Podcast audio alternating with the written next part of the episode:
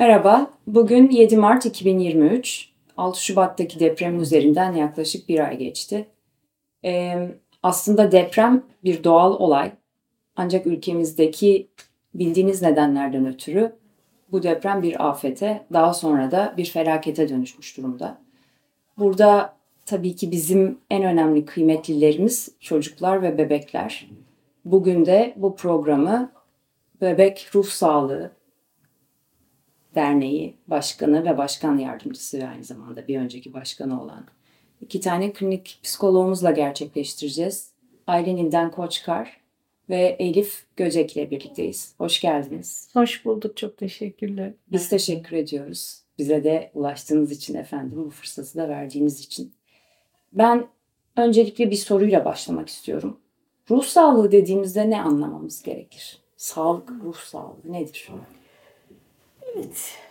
Yani ruh sağlığı içinde bulunduğumuz ortama adapte olabilme becerimizin miktarıyla ilişkili aslında. Ee, içinde bulunduğumuz kültür olabilir. O dönemde o dönemde yaşayan insanların neyi normal olarak kabul ettiği çerçeveye bakarak ona ne kadar adaptasyon sağladıklarıyla ilişkili bir durum.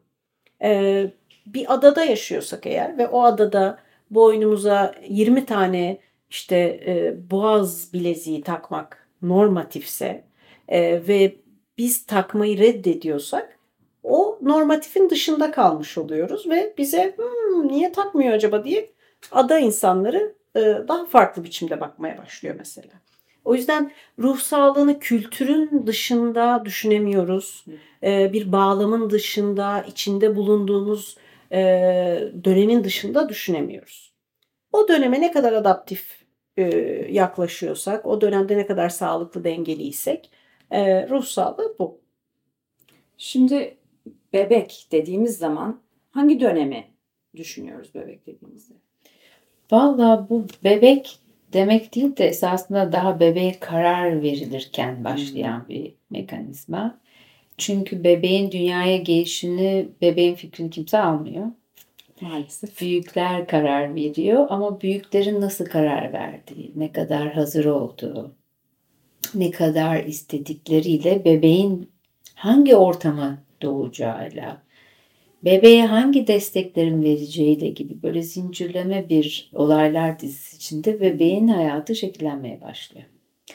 O yüzden gerçekten çok daha da geri gidersek bir çocuğun erkek çocuğun ve bir kız çocuğun e, insanlarla ilişkisiyle tekrar eden bir esasında bebeğe hazır olma, bebeğe e, esneyip bir ebeveyn olma gibi çok önemli bir yolculuk başlıyor. Çok da ciddi bir kısım esasında ama dünyaca da ülkece de bayağı ihmal ediyoruz. Bayağı ihmal ediyoruz. Evet. evet. E, 0-3 yaş grubu olarak geçiyor galiba değil mi? Bebek ve çocuk dediğimizde yani küçük çocuk, küçük Erken çocuk, çocuk dediğimiz. Evet. Peki şimdi siz dinlerken bebek ruh sağlığı dediğimizde ne anlamalıyız bundan? Peki ben söyleyeyim. E, bebek ruh sağlığının iyi olabilmesi için işte ta e, Elif Hoca'nın da dediği gibi annenin ve babanın o bebeği yapmaya karar verdiği aşamadan itibaren oluşuyor aslında. E, bebek doğdu ve onun sonrasında oluşmuyor da. E, zihinlerde bebeğin oluştuğu dönemden itibaren annenin ve babanın e, hazır olması, bu bebeği e, nasıl yetiştireceğiz buna dair bir zihinsel hazırlık oluşturması çok kıymetli. Sonrasında bebek doğduktan sonra da bebeğin bir sürü ihtiyacı oluyor tabii ki. Ve bebek kolay bir şey değil. Fiziksel olarak yorucu bir şey. E, kimse de onu kimseye söylemez. Çok zordur falan diye. E, hakikaten fiziksel olarak yorucu. E, annenin ruh sağlığının e, ve birincil bakım veren dediğimiz bütün bebeğe bakım veren kişilerin ruh sağlığıyla çok birlikte hareket etmesi gerekiyor. Çünkü bebeğin ihtiyaçları var. O bebeğin ihtiyaçlarını birilerinin dinlemesi, duyması, anlaması ve ihtiyaçları gidermesi gerekiyor. Duyarlı biçimde, tutarlı biçimde mümkün olan en kısa zamanda ve istikrarlı biçimde bunu yapması gerekiyor. Bayağı ehliyete tabi olması gerekiyor aslında bu anlattığımız şeylerin. Ee, Yani bilmek çok önemli. Çok önemli. Bir de destek almak çok önemli. evet. Yani bazen her konuda bilgili olmasak da yardım istemek. Bilmediğimizi bilmek zaten Evet. yaklaşım oluyor galiba ama o da Evet. tabii ayrı bir psikoloji. Çünkü bilmeyen de bilmediğini bilmiyor gibi. Evet. Fluff'ın da misyonlarından biri biliyorsunuz. Bu Hmm. Psikoloji konularında olabildiğince en azından bilginin uzmanına gidebilir hale gelmemiz. Ee, şimdi ben izninizle konuyu bu depreme getirmek istiyorum. Zaten normalde çok önemli olan bir konu. Hı. Belli bir bölgede deprem yaşandı. 11 ilimiz etkilendi ve inanılmaz terslikler oldu bununla başa çıkma yollarında. Bütün Türkiye'nin üzerine bir kara bulut yayılmış gibi hissediyorum ben. İnsanın yaşamadığı şeyi tahayyül etmesi çok zor tabii ki. Yaşamış kişilerle ilgili olarak mesela bebekler çok çıktılar çünkü ufak oldukları için enkazın altından çıkmaları daha zor oldu. İlk aklıma gelen şimdi bunu söylerken şu. Bu bebeklerde travma oluşmuş mudur mesela? Beş gün. Tabii bunu bilmek çok zor ama siz klinik çalışmalardan ve yani bütün tecrübenizden bir fikre sahipsinizdir diye düşünüyorum. Yanlış bir soru sorarsam da lütfen beni uyarın. Bu hani travma yaratmış mıdır gerçekten bir bebek? Yani tek başına orada kalan bir bebek strese giriyor demektir. Ve e, travma tanımının içinde stresin miktarı, çokluğu, aniden olması gibi kısımlar çok vardır. E, travma olmuştur ama travma ne kadar kalıcıdır kısmını belki sonra yer açarız. Yani bebekler evde de bırakırsanız, uzun saatler ağlatırsanız travma olabiliyor bebeğe. Doğru. Travma biz işlerken şey olmuştu. e, Hani aynı şeyi yaşayan bir kişide travma gözlemleyebilirsiniz ama başka bir aynı şeyi yaşayıp travmayı görmeyebilirsiniz gibi. E, ikinci travma dediğimiz şey nedir acaba? Siz konuşmalarınızda derneğin web Hı hı. sitesinde de çekimleriniz var. Orada bahsediyorsunuz ikinci travmadan. Nedir ikinci travma? Yani ikinci travma dediğimiz şey e, esasında hepimiz ikinci travmaya şu anda maruz kalmış durumdayız. Hı hı. Çünkü travmayı seyretmek, izlemek, duymak, dinlemek, Hmm. Sahada bir şeyler yapmak. Travma biraz biraz değil çok bulaşıcıdır. E, yine bunu da bilmiyoruz esasında. Seyrettiğimiz zaman, uzun uzun seyrettiğimiz zaman bizim beynimiz etkileniyor. Şöyle bir bilgiyle anlatmak daha yararlı. Ayna nöronları diye bir nöronlar var bizim beynimizde. Biz e, gördüğümüz şeyden etkileniriz. Yani siz bir filmde romantik bir sahne gördüyseniz ve esasında geçmişinizde de bu sahne varsa o karakterle eşleşip ağlamaya başlıyoruz. Bu ayna nöronları yani bizim bir başkasıyla eşleşmemizi, empatik dediğimiz o duruşa sahip olmamızı ve anlamamıza çok yardımcı oluyor. Hı hı. Ama bir de şöyle bir gerçek var. Depremde gördüğümüz her sahne de beynimiz bizim o bölgeye aktive oluyor. Ve sanki biz de oradaymışız. Ya da kurtarıyormuşuz ya da ağlıyormuşuz gibi hissediyoruz. İşte bunların hepsi ikinci travma dediğimiz kısımlar. Yani bir terapist danışanı dinlerken de aynı şeyi hissediyor. Ee, bir e, kameraman çekerken de hissediyor.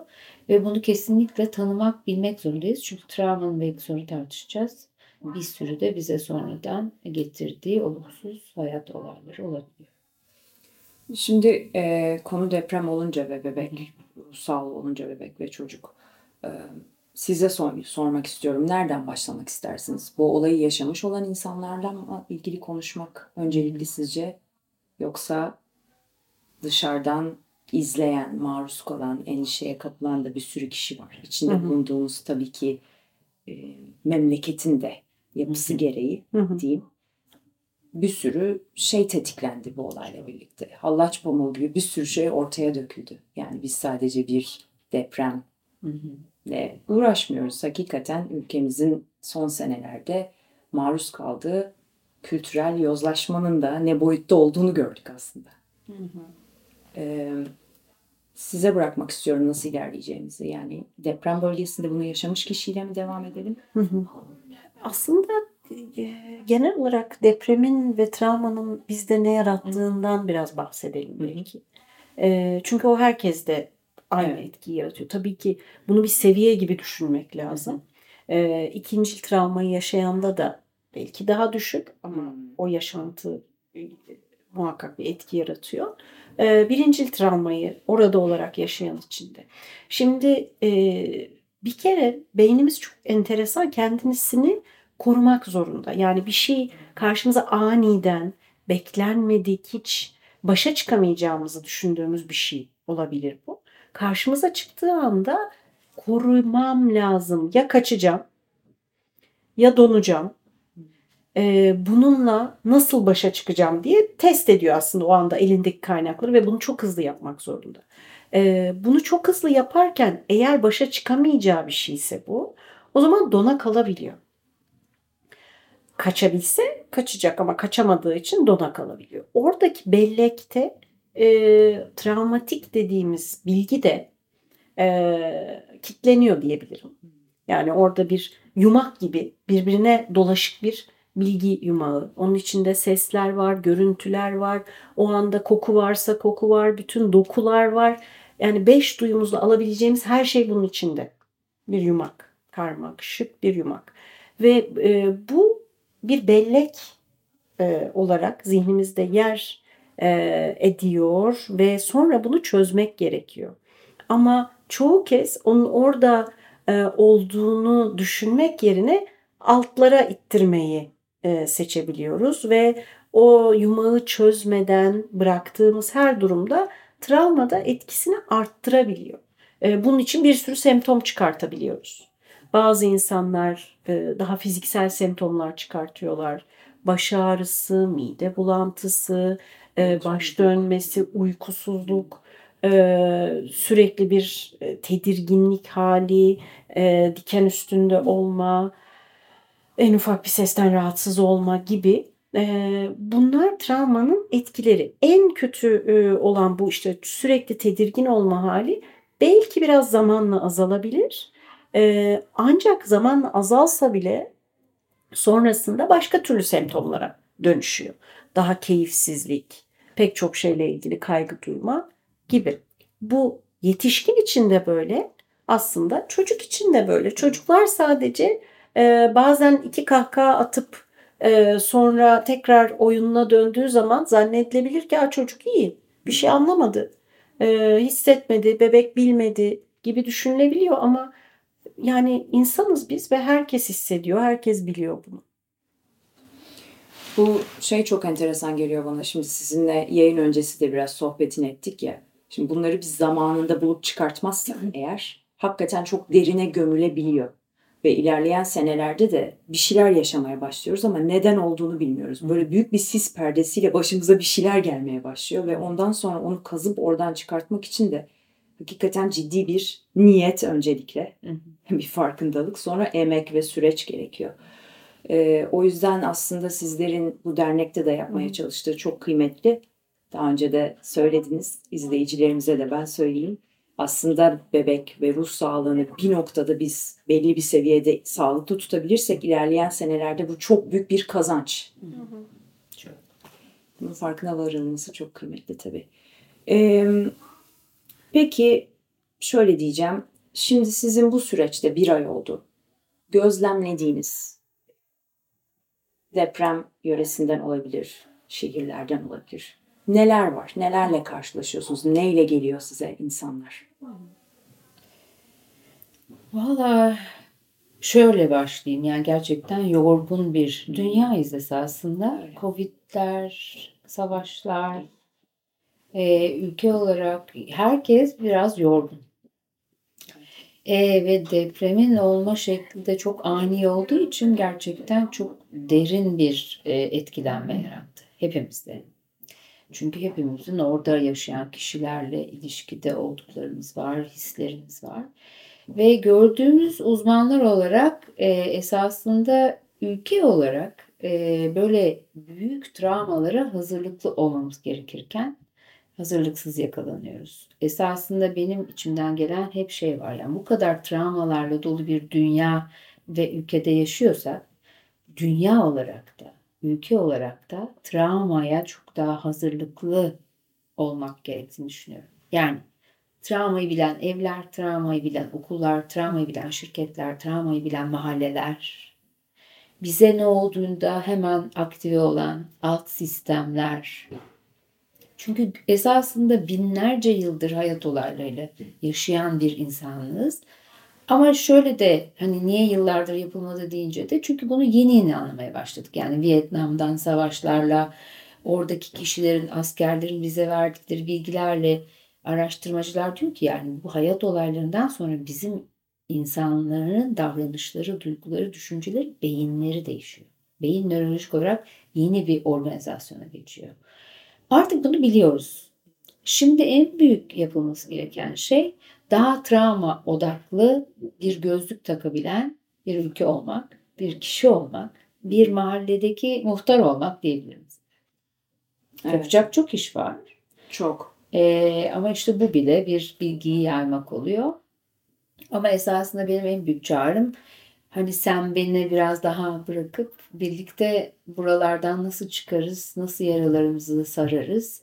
Acele de sarılacak şeyler bunlar. Uzun yılları yayılmamız gereken, planlı ve düzgün çalışmamız gereken.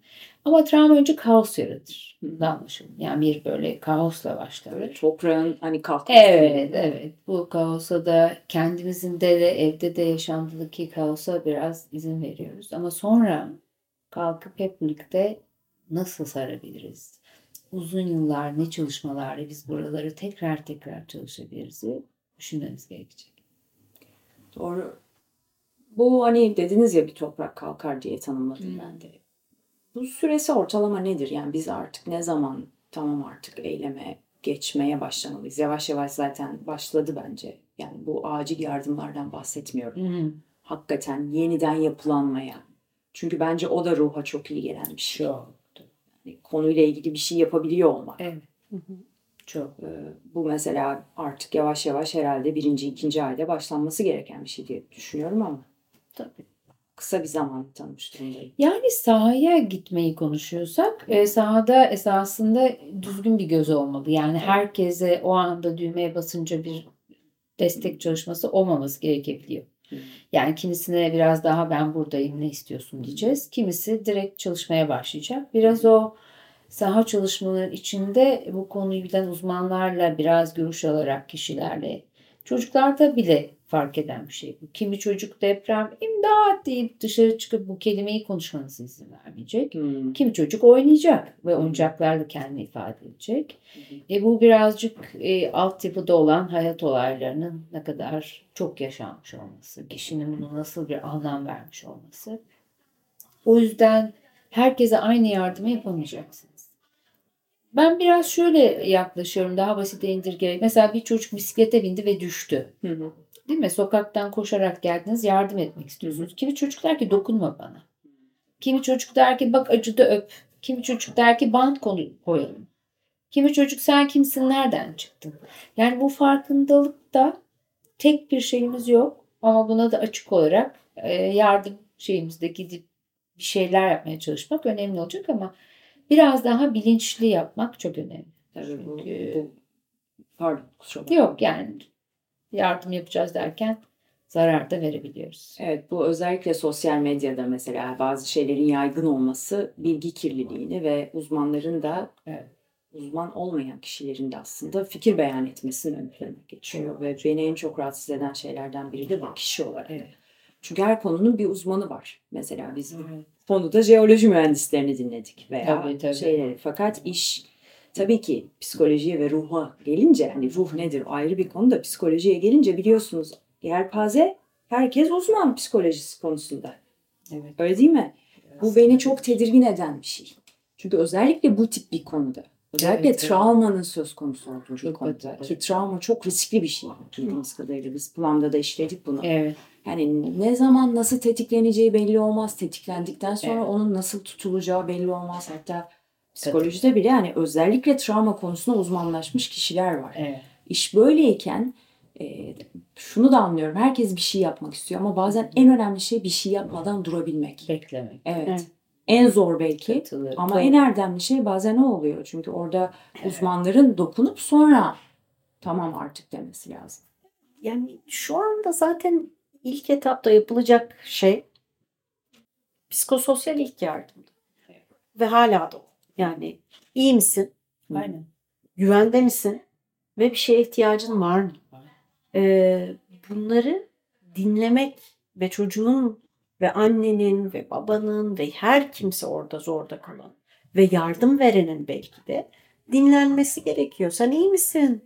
Ee, nedir? Neye ihtiyacın var şu anda? Hı hı.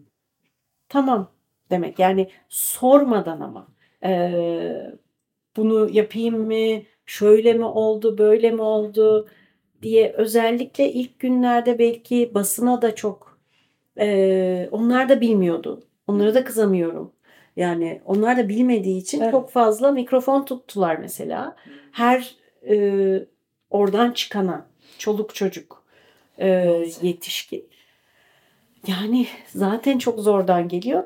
Yani hakikaten e, işte demin Elif Hoca'nın dediği gibi hazırlık gerekiyor. E, kimse bunu bilmiyor diye kızamayız. E, ama öğrenmeye çalışmamız gerekiyor. Topyekün öğrenmeye çalışmamız gerekiyor. Nasıl hazırlıklı olabiliriz travmatik olaylara diye. E, özellikle çocukların hani zarar görmemesi, bebeklerin zarar görmemesinin ne kadar kritik olduğunu defalarca şu bir ay içerisinde gördük. Yani burada kayıp çocuklar da vardı. E, yanında yani çocuk kayıp, anne babası ya da kayıp. Yani birbirlerinden ayrı düşmüş de olabiliyorlar. E, onların ortalıklarda dolaşmaması, resimlerinin dolaşmaması, daha sonra karşısına çıkacak o görüntüler hayatı boyunca. Sonuçta bir şey medyaya koyduğunuz zaman defalarca. Evet çok çok sıkıntı. O yüzden e, buralarda böyle çok dikkatli hareket etmek gerekiyor. Evet. Temelde. Ben de bir şey katayım hocam. Ee, şimdi travma çalışması ve böyle büyük bir sürü şeyin ihtiyacın olduğu yerlerde sadece ruh çalışamazsınız. Yani bir e, bir anneyle çalışıyorsunuz. Annenin bebek bezi yok. Ee, süt verecek sütü yok. Ama siz orada sana ne oldu? Ruh sağlığı olmaz. Yani ne demek? Biraz sosyal hizmetler gibi çok bütüncül bir çalışma ihtiyaç var orada. Yani psikiyatrist, ruh sağlığı çalışanı, bir bebek hemşiresi. Sahada da bu kadar insan yok henüz. O yüzden kişinin şeye çok hazır olması gerekiyor. Yani evet sen ruh sağlığı çalışıyorsun ama bir bebek bezine de annenin ihtiyacı varsa bu sağlanmak zorunda. Güvenli alana konmak zorunda. Bu anne üşüyorsa ayağına ayakkabı verilmek zorunda. O yüzden bizde ülkemizde ruh sağlığı çalıştığı zaman sadece ruh sağlığı ama burada bu değil artık. Burada gerçekten çok kapsamlı bir kişiye dokunmak gerekecek. Özellikle de akut travmaya ve çok şeyleri kaybetmiş insanlara. Evet. Evet. Siz dinlerken böyle bayağı devletle kurumların Tabii. bir araya gelerek Evet. oturup aklı başında uzmanlarla her bir alanda çalışması gerektiğini zaten yani Evet. bunu zaten biliyoruz ve her olayda yeniden yaşıyoruz. Ben şahsen kendimden bir örnek vermek istiyorum. Şimdi e, bu özellikle kayıp çocuklar söz konusu olduğunda biz bu çekimi İstanbul'da yapıyoruz. İstanbul'da da bir deprem bekleniyor biliyorsunuz. Tamam Hı. oturduğumuz binaların güzel olduğuna belki sağlam olduğuna baktırdık ama Şimdi deprem öyle bir şey ki ne zaman nerede nasıl olacağı belli değil. Hı. Ve insanın psikolojisi de kendini o kadar güzel koruyor ki sanki şey gibi. Ha daha olmadı Hiçbir zaman olmayacak. veya işte bu gece de olmadı Hı. ama gece uzun. Hani belki Evet, şimdi evet. olmadı ama bir dakika sonra olacak.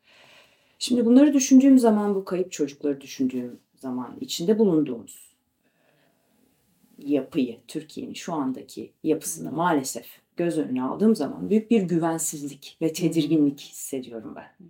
Ve e, ki bu olayı yaşamamış bir kişi olarak dedim ya tahayyül edemem. E, bu tip durumlarda hani bizim gibi insanlar kendi önlemlerimizi almanın dışında bir anne olarak mesela benim işte e, ortaokula giden bir çocuğum var. Mesela onun da okulunda problem çıktı. Mesela düşünün. Şimdi diyoruz ki mesela tamam bunlara çare bulunacak. Ne tespit edildi ne güzel. Hep iyiye bakmaya çalışıyoruz. Hı hı. Hep işte şükredelim. Elimizdekilerle iyi olalım. Başımızda çatımız var. Suyumuz akıyor. Elimizi yıkayabiliyoruz. Tabii ki bunlar güzel ama hep böyle tepede bir bıçak var ve ne zaman düşeceği belli değilmiş gibi bir yaşantı içerisindeyiz aslında. Ve insan kendini çok çaresiz hissediyor. Çünkü bahsettiğimiz şeyler büyük kapsamlı ve büyük işbirlikleriyle yapılacak şeyler. Ve bununla ilgili bir eylem görmedikçe de ülkemiz zaten şu anda bir seçim sürecinin içerisinde biliyoruz hepimiz. Şimdi böyle olduğunda biz nasıl kollayacağız bu psikolojimizi? Yani zor bir soru sorduğum farkındayım ama bir şekilde de hani ebeveyn olarak da önce maskeyi kendimize sonra çocuğa takacaksak siz de bunun üstünde durdunuz. Biz ne yapalım? Hocam. Sen söyle sonra ben söyleyeyim. Şapkadan tavşan çıkartmanızın Ben zamanı şimdi geldi. hiç- Ben çok konuşmayayım sırayla. Devamı ikinci bölümümüzde.